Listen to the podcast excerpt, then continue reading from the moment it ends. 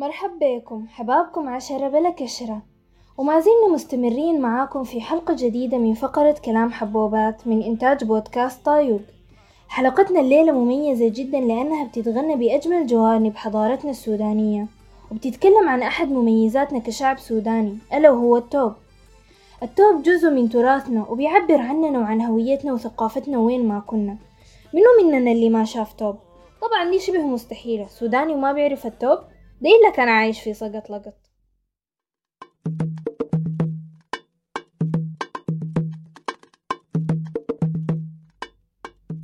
أصل التوب السوداني عليه اختلاف كبير. في أحاديث بتنسب التوب لموريتانيا وتشاد وبتقول إنه جاء من خلال هجرتهم للسودان.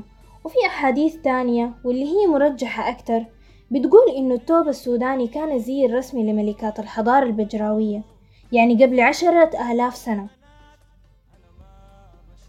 اتنوعت خامات وأشكال وتصاميم الثياب بشكل كبير. سمعت قبل كده عن توب الكرب أو توب النقادة؟ ده توب قشرة حبوباتنا وجا قماشه عن طريق التجار المصريين. توب أسود ملمسه ناعم ومن شدة ما كان سمح لما كتبوا للبسنه قصايد وقالوا فيه. توب الكرب جابوا النقادة يا سيد الناس أنا عاشقك زيادة فوق الجيد أنا ببقى لك قلادة.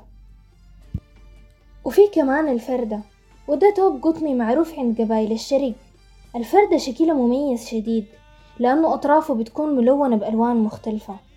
ومن التياب كمان توب الزراق ومن اسمه لونه مايل للزرق الغامضة. وبيسموه كمان توب النيلة وده توب مصنوع من القطن برضو. وزي ما كان في تياب للقشرة في كمان تياب للحزن زي توب القنجة وده من أول موضات التياب. معروف إنه كان توب للحداد وخامته سميكة وقريبة لتوب الزراق وزي خامة الدمورية برضو. وكانوا بيلبسوه حبوباتنا في الحداد على العزاز المشوا خلوهم في الدنيا دي. تمسوا بصحة وعافية ودعناكم الله والرسول. الحلقة دي من كتابة وتقديم إيلاف عصام تحرير وتوزيع علي أبو الحسن. ساعدنا في الإنتاج فريق منصة الجبنة